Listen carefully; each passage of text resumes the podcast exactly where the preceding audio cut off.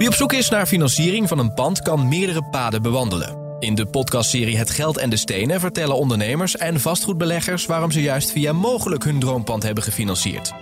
Luister de podcastserie via bnr.nl of je favoriete podcast-app.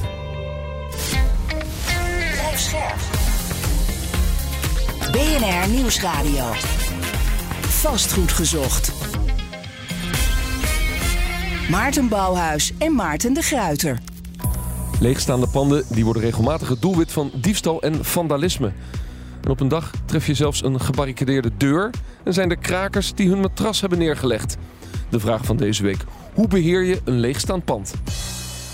Dit is vast goed gezocht, jouw wekelijkse update over de wereld van de stenen.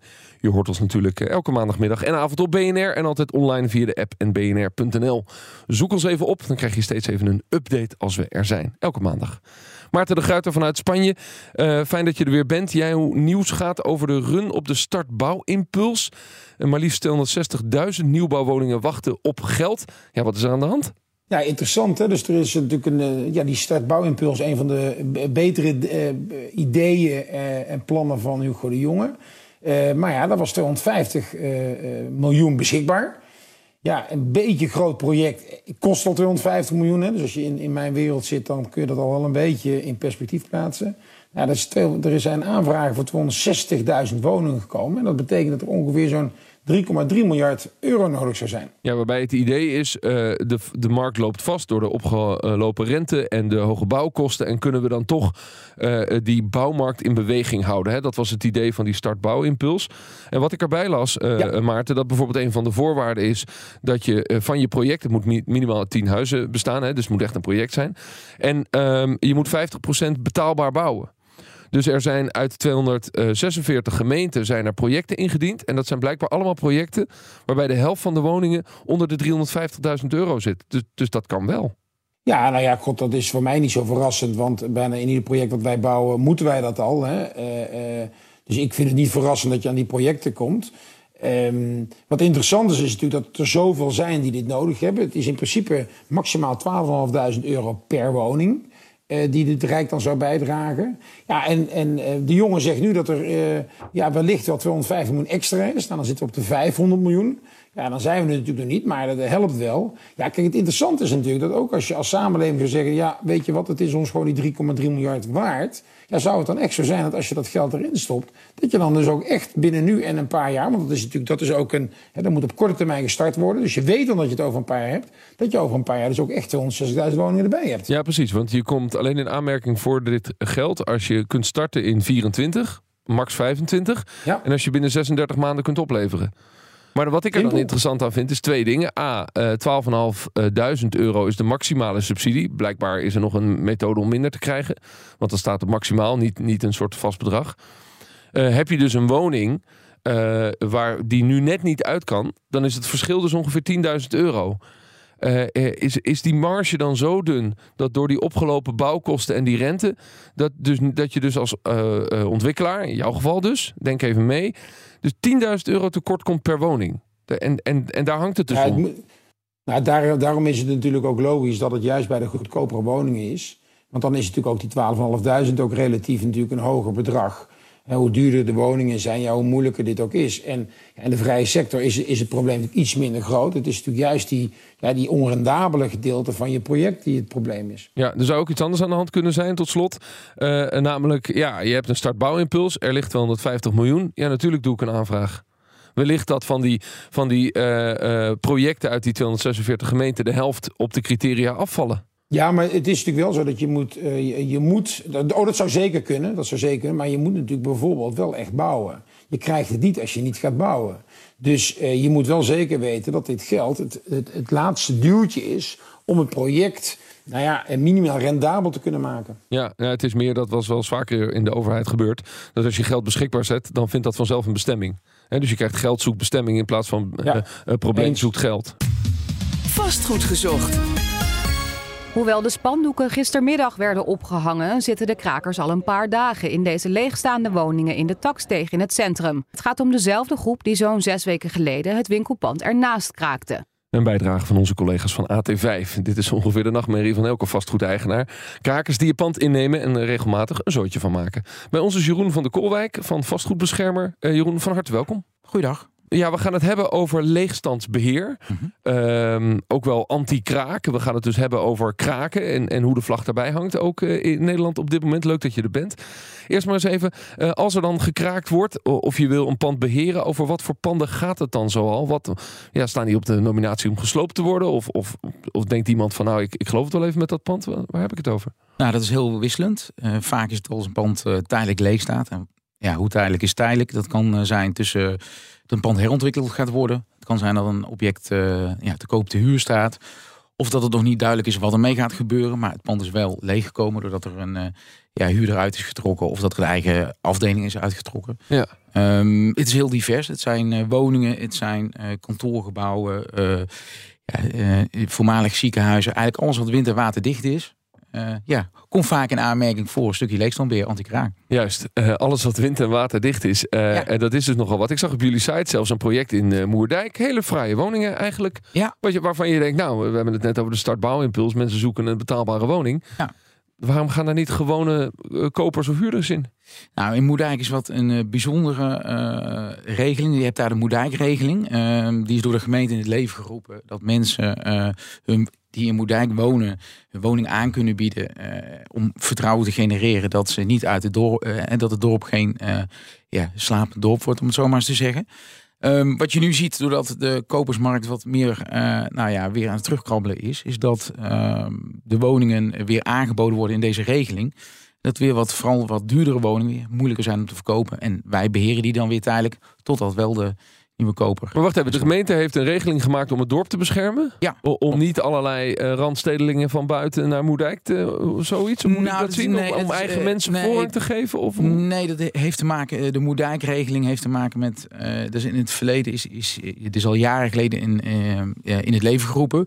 Hoe die exact in elkaar zit, kan ik je niet helemaal vertellen. Alleen ik weet dat destijds sprake was dat er een bang was dat het dorp leeg zou lopen. In verband, er is destijds toen wat gebeurd. Industrie. Ja, nee, dat is een, grote, een redelijk grote ramp geweest. Ja, uh, nou, ja en ja. daarop volgend is, uh, is dat ontwikkeld. En, Interessant. Um, maar Maarten, dan zie je dus ook dat als er zo'n lokale regeling is, dat heeft direct invloed, direct marktverstorend. Hoe sympathiek ook.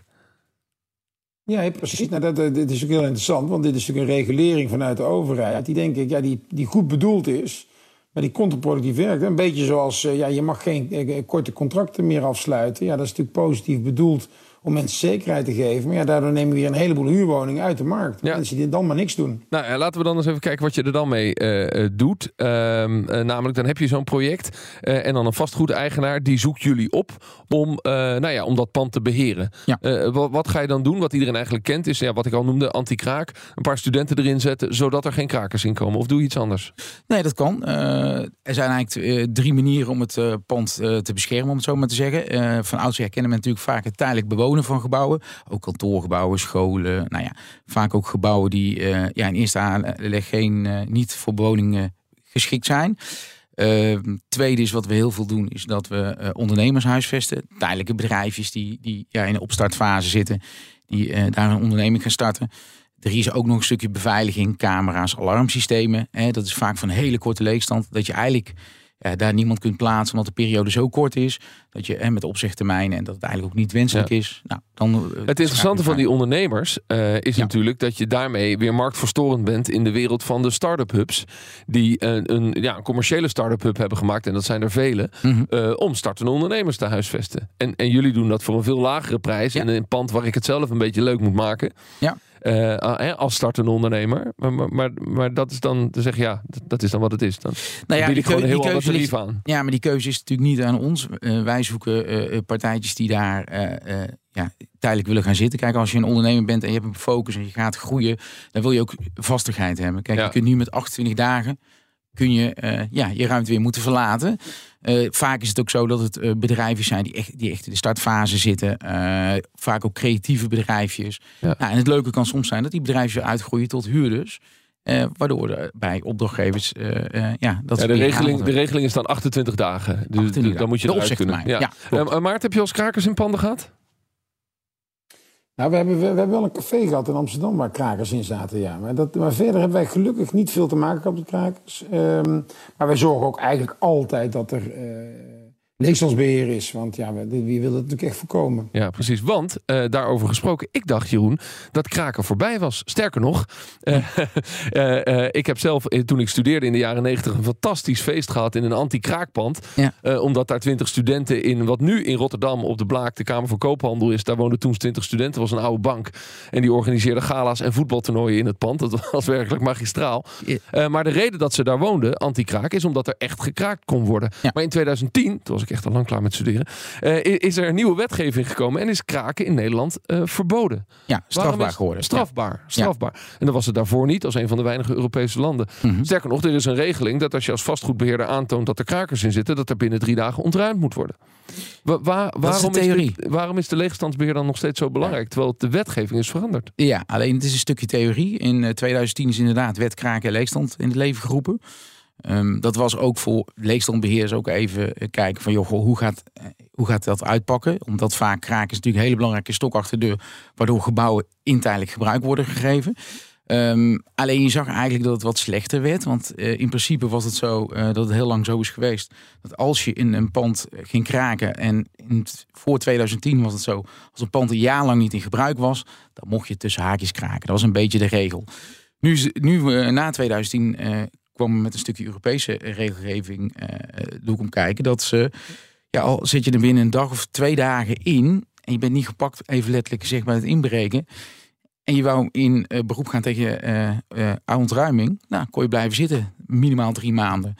En op dit moment is het nog steeds zo dat het lastig is om een pand ontruimd te krijgen. We zien de eerste eigenaren die ook al een rechtszaak hebben aangespannen, kort geding. Dat gewoon de rechter beslist, ja, er is geen spoedeisend belang. Dus het lijkt weer een klein beetje terug te gaan uh, ja, van voor ja, 2010. Ja, dus de wettelijke basis is eigenlijk, uh, je kunt naar de rechter toe gaan als vastgoedeigenaar en dan zou het binnen drie dagen ontruimd moeten worden. Maar als er geen spoedeisend belang is, dan sta je alsnog met lege handen. En, en, dus kiezen de vastgoedeigenaren gewoon uh, ja, boter bij de vis en zeggen ze dan, dan huur ik maar leegstandbeheer in wat hen geld kost. Ehm, nou ja, kijk, weet je wat het is?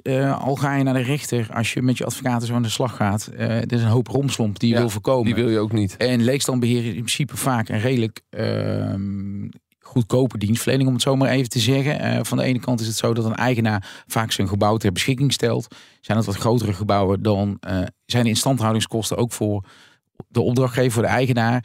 Uh, wij plaatsen daar dan mensen in, ondernemers, en krijgen daar een kleine vergoeding voor. Maar Jeroen, even een vraagje. Hoe, hoe, hoe, werkt het dan? Hè? Want wat ik niet helemaal begrijp, als ik nou vanavond uh, thuis kom en er zit iemand in mijn woonkamer, dan bel ik de politie en dan zeg ik, er zit hier iemand en die, die hoort hier niet bij mij thuis. Nee. En dan komt de politie en die haalt als het goed is diegene weg. Klopt. Maar dan heb je huisvrede. Maar waarom, waarom, ja, dan heb je huisvrede, oké. En, en als het dus in mijn pand is, uh, uh, waar bij wijze van spreken al binnen een week een, een, een nieuwe huurder in komt een week later, dan, dan werkt het anders. Nou ja, goed, dan heb je een spoedeisend uh, belang. Hè. Dan, dan ziet zo'n partij ook wel, de krakerswereld is ook wel uh, vaak goed geïnformeerd. Uh, wat belangrijk is op het moment dat een pand leeg staat, dat je uh, er gebruik aan moet geven. Dan heb je dus huisvrede. Dus dat betekent op het moment dat je eh, een contract op het object hebt, ligt even aan hoe groot het is. Kijk, als er wat grote kantoormand eh, is, eh, dan kom je met één klein contractje kom je vaak ook niet weg. Dan moet je een aantal mensen huisvesten. Maar, maar waarom zouden die krakers inzicht hebben in die, laten we zeggen, in die aanstaande huurcontracten? Die hebben geen zin in. Nee, maar die houden het goed in de gaten. Die zien vaak wel voor. Is, is of er iets veel, gebeurt. Die gaan gewoon spotten. Ja, ja, die gaan spotten. Ja, zeker. Ja, je hebt laatst nog op, uh, volgens mij op de NPO heb je nog een hele uh, serie gehad van hoe krijg ik een pand. Ja. En daar zag je. Maar hoe, huisvrede betekent uh, er gaat iets gebeuren of er gebeurt iets in je Nee, huis? nee. Huisvrede betekent echt dat je een contract hebt ja. in het, op het gebouw. Wat Maarten net aangaf, bijvoorbeeld als ik vanavond thuis kom en er zit in één keer ja. iemand vreemds de bank. En huis, huisvredebreuk is dus dat iemand dat betreedt. En dan, dan kun je dus direct de politie bellen. Maar dat betekent dus als je geen huisvrede hebt, lees, ja. er, lees er gebeurt niks met het pand. Ja. Dan, dan hebben de krakers iets, iets van recht om op te staan. Nou ja, dan, dan ben je afhankelijk van uh, de politie en de dienstdoende officier van justitie wat zij beslissen op dat moment om uh, direct over te gaan tot ontruiming of niet. Ja, ja. En dat is heel lastig te zeggen. Hè? Dus dat... Laten we straks nog even uitzoeken over hoeveel panden het nou eigenlijk gaat. Maar eerst nog even naar die bestemming. We hadden het net over werken. Nou, dat is leuk. Start-up ondernemers. Maar goed, moet je wel binnen 28 dagen uit. Maakt het ook wel weer dynamisch als ondernemer, moet ik zeggen. uh, um, en maar dan wonen. Want we hebben natuurlijk een enorm woningtekort in Nederland. misschien wel het grote verkiezingsthema voor 22 november. Dat gaan we zien.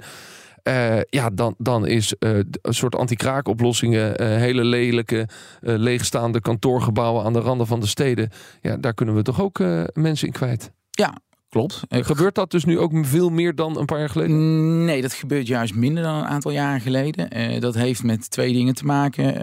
in het verleden, nou ja, waar je straks even al aan refereerde in de, in de tijd, in de jaren 90 zag je dat, nou ja, en begin jaren 2000 zag je heel veel nog leegstandbeheer, dat panden gewoon altijd tijdelijk bewoond werden, weinig ondernemers erin. Nu zie je vaak dat kantoorgebouwen, dat een eigenaar er toch vaak voor kiest om daar bedrijfjes, hè, dan voldoet hij ook aan de bestemming, maar ook vaak als panden te huur zijn, dat ze dat toch prettiger vinden met bezichtigingen. Alleen sinds vorig jaar ook met de Oekraïne natuurlijk de opvang, zie je dat de panden die tijdelijk bewoond worden, de schoolgebouwen, de kantoorgebouwen, ja, die worden nu, uh, die zijn toen ook massaal ingezet, zeg maar, om mensen uit de Oekraïne te huisvesten. Waardoor maar dat is ook... toch een vorm van wonen? Dat is zeker een vorm van wonen. Alleen dat betekent ook dat de mensen die zeg maar altijd een beroep deden op anti-kraak wonen, hè, of als tijdelijkheid, dat staat ook onder druk. Want jij zegt daarvoor was er een groep Nederlanders die eigenlijk uh, hopte van anti-kraak naar anti-kraakpand. Omdat ze niet wilden of omdat dat waren niet per se studenten. Nee, dus, nee, of omdat ze niet in aanmerking kwamen voor de gewone woningbouw? Nee, nee, dat is zeker niet studenten alleen. zijn ook heel veel werkenden. Uh, en ieder heeft zijn eigen uh, reden om dat te doen. Hè. Het kan zijn omdat je nog geen geschikte woning hebt gevonden. Of dat je koopwoning nog niet klaar is. Ja, maar het is, geen, het is geen romantiek. Het is, is geen romantiek. Nee, ja, klopt. Ja, nou ja, voor de een wel, voor de ander niet. Kijk, nou. het is, het is, het is natuurlijk wel dat het dynamisch is. En er zijn echt mensen die, die dat op deze manier prettig Maar je zegt het COA heeft gezien waar de kansen liggen en, en, en hebben dus ingezet op die leegstaande kantoorpanden om Oekraïne, met leegstandbeheer Oekraïners in die panden ja, te zetten. Ja, maar Oekraïne gaat niet via het COA, dat gaat echt via de gemeentes. Via de, hè, de veiligheidsregio's hebben de gemeente aangesteld. Ja. Um, ja, daar zit heel veel. Bijvoorbeeld in Amersfoort, uh, op het Stadhuisplein, zitten nu heel veel Oekraïners uh, in, wel gelukkig in combinatie met mensen die anti-kraak zitten, om het zo maar even te zeggen. Maar er zijn, daar is echt massaal op ingezet in Nederland. Leegstandsbeheer, daarover gaat het in deze aflevering van Vastgoed Gezocht. Ja, je zou het met de huidige situatie op de woningmarkt uh, bijna niet geloven. Maar er staan dus inderdaad nog heel veel panden leeg in ons land. Vertelt door collega John van Schagen. Nou, dit bedoel ik nou. Hier woont dus helemaal niemand. Hoe lang al niet? 30 jaar is dat dan bewoond. Dat is toch krankzinnig? Wat heeft u enig idee waarom het leeg staat? Ja, die meneer is niet te achterhalen. De eigenaar van het huis? De eigenaar van het huis. En die is ergens. En waar is die? Ik weet het niet. Dit vertelt de meneer uit Laren tegenover onze collega's van de NOS. In dat rijke luisdorp is het aandeel leegstaande woningen 3,5 keer groter dan in de rest van ons land. Tot grote frustratie van deze buurtbewoners dus. Het blijft lastig uitleggen. Huizen die maanden en zelfs wel jaren leeg staan. Volgens het CBS waren er in 2022 zo'n 60.000 woningen die langer dan een jaar leeg stonden. Rotterdam telt er 6.000, maar Amsterdam spant de kroon met 7.500 stuks. Volgens wethouder Zita Pels gaat het vooral om beleggingspanden. De hoofdstad experimenteert tegenwoordig met strenge regels. Staat een huis langer dan zes maanden leeg, dan moet je dit als eigenaar melden. Nou, doe je dit niet, dan bedraagt de boete 9000 euro maar liefst. En zonder goede reden ben je verplicht om de woning snel voor verhuur beschikbaar te maken. De gemeente heeft dan zelfs het recht om eigenhandig de huurprijs te bepalen. Let wel, lang niet alle leegstaande panden worden doelbewust onbewoond gehouden. Zo kan er bijvoorbeeld sprake zijn van een renovatieproject. En ja, die willen nog wel eens uitlopen. Ja, dankjewel John van Schagen. Ik praat verder met Jeroen van de Koolweek van Vastgoedbeschermer. En Maarten de Gruiter natuurlijk, eh, mijn vaste co-host in dit programma. Ja, Maarten, het blijft voor mij als doorsnee burger toch eigenlijk onbegrijpelijk dat er zoveel eh, panden leeg staan met die woningnood. alleen al Rotterdam of Amsterdam spant dus de kronen. 6000 woningen in Rotterdam, die hebben dus een eigenaar. Die eigenaar betaalt daarvoor voor die woning en die woning staat leeg. Ik bedoel, hoe dan? Ja, nou, ik denk wel, we moeten het ook wel in perspectief plaatsen. Die 60.000, dat is 6, 7 uh, promiel uh, van de uh, totale woningvoorraad. Hè. Dus we moeten ook uitkijken dat we ons daar niet blind op staren. Er zijn natuurlijk een heleboel redenen waarom die leeg staat. Nou, ik vind het helemaal niet slecht dat je, dat je vanuit de overheid... Ehm, eh, probeert te pushen dat bijvoorbeeld beleggers het niet, hè, dat het niet uh, speculatief voor het leegsta, uh, leegstand is. Ik denk dat dat van die 60.000 er erg weinig speculatief leeg zullen staan, omdat toch bijna iedere belegger uiteindelijk gewoon uh, een huurstroom wil, wil hebben. Dan maar ietsje minder, maar wel een vaste huurstroom. Dus ik denk dat dat vrij weinig is. Ik, ik blijf ook wel vinden wat ik kijk, uh, of mensen in, in Amsterdam die daar zo vanuit de overheid die zo streng op willen zijn. Je moet natuurlijk niet het onvermogen van de overheid, namelijk zorgen dat er voldoende woningen worden gebouwd, ineens proberen met een draai neer te leggen bij, ja, het is de fout van woningbeleggers. Wat natuurlijk gewoon niet zo is. Hè. Ook al worden deze 60.000 morgen in, in, in um, gebruik genomen, dan hebben we nog steeds een groot probleem. Ja, het is natuurlijk ook een beetje zo wellicht uh, dat er geen enkele markt bestaat waarin enige vorm van uh, leegstand of onge ongebruikt uh, materieel is. Of dat nou een woningmarkt is of een andere nee. type markt, dat kan eigenlijk niet. Nee, ja, kijk, in, in kantorenmarkt heb je natuurlijk gewoon is, is 8% leegstand, is heel normaal. En is, is, is, is, is ook gezond. Ja. ja. dus ik vind 6, 7 promiel leegstand vind ik niet zo uh, spectaculair. Nou ja, Zita Pels hebben we in de uitzending gehad en heeft dus nu dat beleid om dus het leegstandsbeleid om dat dus tegen te gaan uh, in Amsterdam. Jeroen, wat vind jij er eigenlijk van? Nou ja, goed. Het is altijd goed als partijen leegstand uh, tegen proberen te gaan. Alleen het is natuurlijk wel zo, en daar ben ik denk ik ook wel met Maarten eens. Kijk, uh, soms staat een gebouw leeg en dat heeft een reden. Omdat de vergunning nog niet er is. Of dat ze bezig zijn met de werkzaamheden. Er altijd een stukje frictieleegstand. Die zal er ook altijd blijven. Dan vind ik het wel. Wat doe je dan met die frictieleegstand? Nou, en daarin is bijvoorbeeld uh, leegstandbeheer is dat een, een, goed alternatief. Omdat je ook mensen die op zoek zijn naar een ruimte... dan ook een kans geeft om bijvoorbeeld op die plek even tijdelijk te wonen of te ondernemen. Ja, dat zijn natuurlijk jouw klanten, hè? vastgoedondernemers die zeggen van nou, ik wil gebruik maken van leegstandbeheer. Worden die veel eisender of wordt het, wordt het voor hun een, een moeilijkere stap om, om dat te gaan doen? Nou, ze worden niet veel eisender. Uh, gelukkig uh, zijn wij gewend om uh, een uh, goede dienstverlening te geven. Kijk, wat je wel speelt, net zoals vorig jaar bijvoorbeeld bij grotere objecten, de energie. En dat was natuurlijk ook een dingetje waar eerst daar bijna niet naar werd gekeken. Ja, werd dat nu wel? Nou, heb je een groot complex, hoe ga je daarmee om? Dus dat zijn allemaal dingen die wel wat veranderen bij uh, vastgoedeigenaren. Maar uiteindelijk ja, ik ken geen vastgoedeigenaar eigenlijk uh, die, uh, die uh, graag zijn pand leeg laat staan. Nee. Zomaar en dan nog even in vergelijking met de opvang van bijvoorbeeld Oekraïners ja. of, of andere vluchtelingen. Um, woonruimte die het COA zoekt. Mm -hmm. Oekraïners gaat dan via de gemeente, maar het COA ja. zoekt natuurlijk ook woonruimte. verhoogt dat nu de druk op leegstand vastgoed? Um, het verhoogt de druk op gebouwen die in het verleden ja, zeg maar in aanmerking zouden kunnen komen voor leegstandbeheer. Dat zie je dat, dat die nu wat meer ingezet worden. Alleen ja, goed, niet alles kan ingezet worden voor het COA of voor opvang voor Oekraïne. Omdat dat simpelweg voor de tijdslijn niet haalbaar is. Of dat partijen er niet uitkomen. Dus ja. er blijft nog steeds een significant deel uh, over voor ja, leegstandbeheerder. Nou ja, en laten we eerlijk zijn. Het kabinet is natuurlijk gevallen mm -hmm. over, de, over de asielzoekerskwestie. dat heeft hier ook mee te maken. En als je dan kijkt naar de spreidingswet, mm -hmm. uh, waarvan het COA nu zegt, uh, druk die door. Ik vraag me af of de Kamer daartoe gaat beslissen op, uh, op 12 september. dat heeft uiteindelijk te maken met de druk in gemeenten, waar dan een verplichting komt om mensen op te vangen. Mm -hmm. en mhm. dat, omdat de buurt dat wel of niet wil. Ja. Uh, uh, zie je dat ook bij leegstand vastgoed? Dat, er dan, uh, dat, jij, dat jij een opdrachtgever hebt, dat jij zegt, nou ik kan daar mensen in kwijt, maar dat dat buurt dan zegt, ja maar die mensen willen we niet. dat kan. die mensen willen we niet. Dan kijk, die voorbeelden ken je natuurlijk vaak bij opvang van, ja, ja, voor het COA en dat soort dingen. Wat we belangrijk vinden is om altijd met de buurt ook in overleg te gaan. Kijk, als je met tijdelijke bewoning, als je bijvoorbeeld een schoolgebouw hebt, wat je nu tijdelijk laat bewonen, en je woont eromheen en je bent gewend dat je altijd kinderen op het uh, schoolplein ziet lopen, en nu zie je in één keer een ander gebruik, is wel belangrijk dat je die mensen daarin meeneemt. Ja. Maar heel eerlijk, uh, wij krijgen weinig van dat soort uh, bezwaren, dat ze zeggen van dat willen we niet. Nee. Oké, okay. Maarten? Uh, nou, wat ik wel interessant vind is, uh, ik heb altijd het gevoel dat er um, dat kraken met name in de grote steden plaatsvindt. En dan als ik Amsterdam zie, dan volgens mij met name hebben ze een voorkeur voor de grachten. Maar hoe, hoe is dat? Wordt er, in, wordt, er, wordt er in een dorpje in Drenthe ook gekraakt? Of uh, is dat wat minder aanlokkelijk? Of willen die krakers toch wel een beetje op chic wonen? Ja, nee. Nou ja, kijk, ja. weet je, uh, ik ben met dit werk begonnen in 1998. En toen had je de kraakbeweging. Toen was net ook die Betuwelijn. En dat haalde regelmatig haalde regelmatig ook eh, het journaal. En iedereen dacht aan krakers eh, met hanenkammen en dat soort, uh, nou ja, dat soort beelden. Alleen, er gebeurt zeker, het wordt heel veel gekraakt. Alleen het haalt vaak de media niet. Dus wat betekent het? Wanneer is die kraak op het moment een pand staat leeg?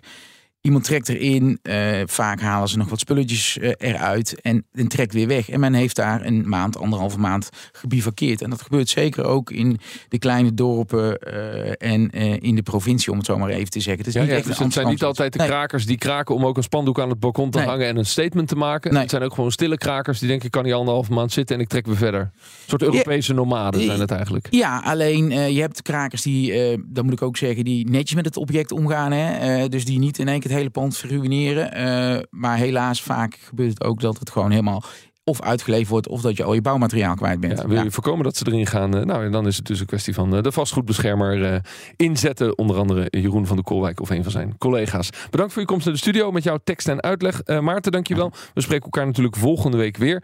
Wil je geen aflevering missen? ja, abonneer je dan even op onze podcast. Ben je naar Vastgoed gezocht? Dan blijf je altijd op de hoogte van het laatste vastgoednieuws. Voor nu bedankt voor het luisteren. Dag. Vastgoed gezocht wordt gesponsord door Mogelijk. Mogelijk. Vastgoedfinanciering voor ondernemend Nederland.